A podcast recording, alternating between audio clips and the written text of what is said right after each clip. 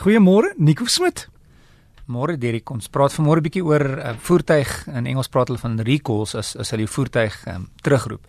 Nou vervaardigers ehm um, moet redelik baie geld spandeer um, om om voertuie te toets. So baie baie werk gaan in om voertuie te toets, letterlik miljoene kilometers om seker te maak die voertuig is reg voor hy in produksie ingaan want hulle wil nie regtig hê dat die voertuig uh, aanvanklik um, in die in die mark moet wees en en daar moet probleme wees nie. Maar ongelukkig is die realiteit enige vervaardiger, enige voertuig wat jy koop, veral in die begin lewe, is daar maar goedjies wat nie 100% reg is nie. So baie maal sal die vervaardiger vir jou sê, luister hierso, um, bring asseblief die voertuig in, daar's iets wat wat wat wat hulle moet ver verander. Baie maal sal hulle nie eers vir jou sê nie en dit gebeur maar net met 'n diens, bring jy voertuig in vir 'n diens en uh, hulle hulle uh, maak die klein veranderingkie en en, en baie maal is dit nie een, noodwendig enig enigstens iets wat jou wat jou gaan affekteer nie. As verbruiker, ek gaan nie daarvoor hoef te betaal nie. Jy gaan nie daarvoor hoef te betaal nie en en en jy weet aanvanklik is dit is baie maal is dit klein goedjies wat hulle maak en hulle sien luister ons het klein probleempies in die voertuig, baie mense kan kom nie noodwendig agter nie, so hulle maak dit reg en en en die voertuig gaan aan.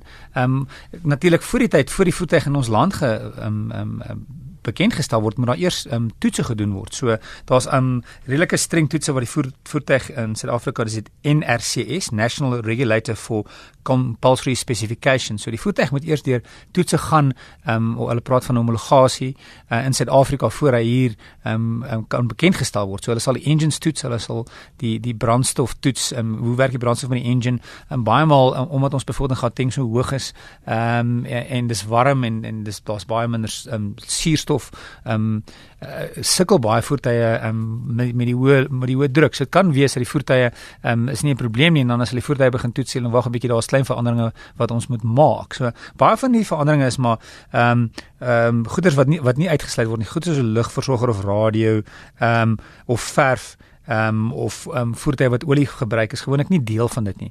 Jou voertuig kan eintlik olie gebruik. Dit daar's redelike spesifikasies wat sê soveel olie kan jy gebruik in soveel kilometer. Kom ons sê vir 'n vir 'n 1500 km kan jy is 'n toelaatbare hoeveelheid 500 ml olie. Ek is nou nie presies seker wat dit is nie, maar daar is 'n sekere toleransie vir dit. Maar goeder soos 'n stuurstelsel wat 'n probleem is of brandstoflekkasies of uh, jou jou jou versneller, jou petrolpedaal wat vashak of wat moontlik kan breek, wiele wat kraak, ruitveers wat nie werk nie, sitplekke wat byvoorbeeld in kritiese situasies kan breek, ehm um, elektriese stelsels, selfs lugsakke. Dis gewoonlik baie kritieke goeters en dan sal die vervaardiger sê hoor jy nou maar bring die voertuig in en ons kyk daarna.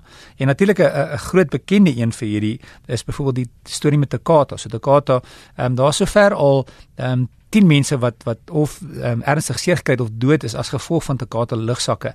Ehm um, wat hulle sê daar kom vog in die in die in die in die in die in 'n gedeelte van die lugsak in en dan wanneer die lugsak ontplooi is die krag te veel. Ehm um, en dan ehm um, baie maal is daar skrapnel wat mense kan baie seer maak.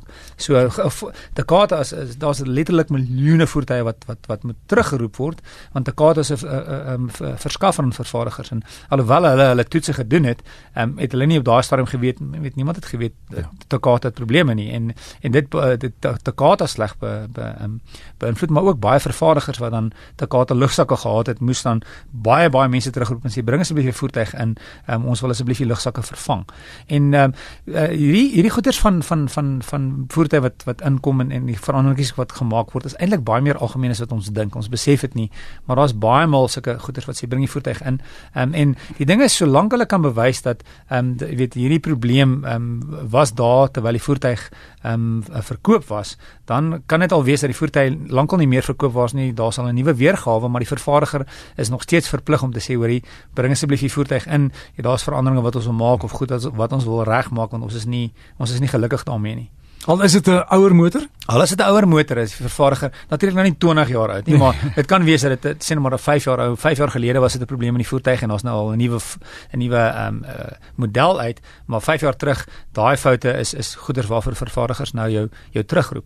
Ek dink nie jy hoef bekommerd te wees nou en en dink o, gatsie met my kar, dis nou 'n probleem nie. As jy regtig wil seker maak, vat jy jou voertuig se identifikasienommer, ons praat van die VIN nommer.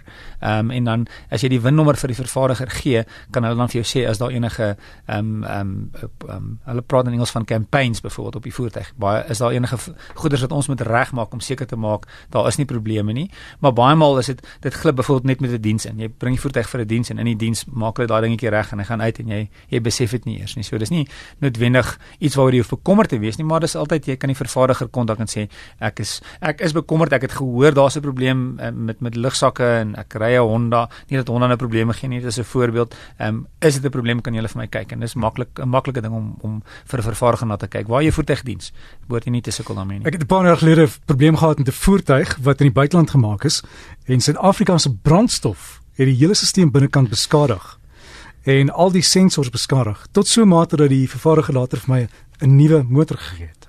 Ja, dit ehm uh, uh, dis weet jy maar dis nou juist dit want daai voertuig het nie noodwendig deur ons homologasie gegaan ja. is is die voertuig um, na Suid-Afrika toe kom nie. Mense besef dit nie baie maal as jy nou 'n voertuig koop, ehm um, uh, hulle praat van uh, van Engels weer eens grey import, so uh, grys produkte. Voertuie wat in ander lande gemaak is en jy bring hom hiernatoe. As as die voertuig nie noodwendig deur ons toetsprosesse gegaan het nie, kan dit presies daai goeders gebeur. Ehm um, daar kan probleempies wees. O, of jy moet ook sê as my voertuig gediens word, wie gaan hom diens? Baie maal weier vervaardigers om jou voertuig te diens as dit 'n 'n grys produk produk is so. Ja, hierdie hierdie was een van die van die groot groot motormaatskappye. Ja.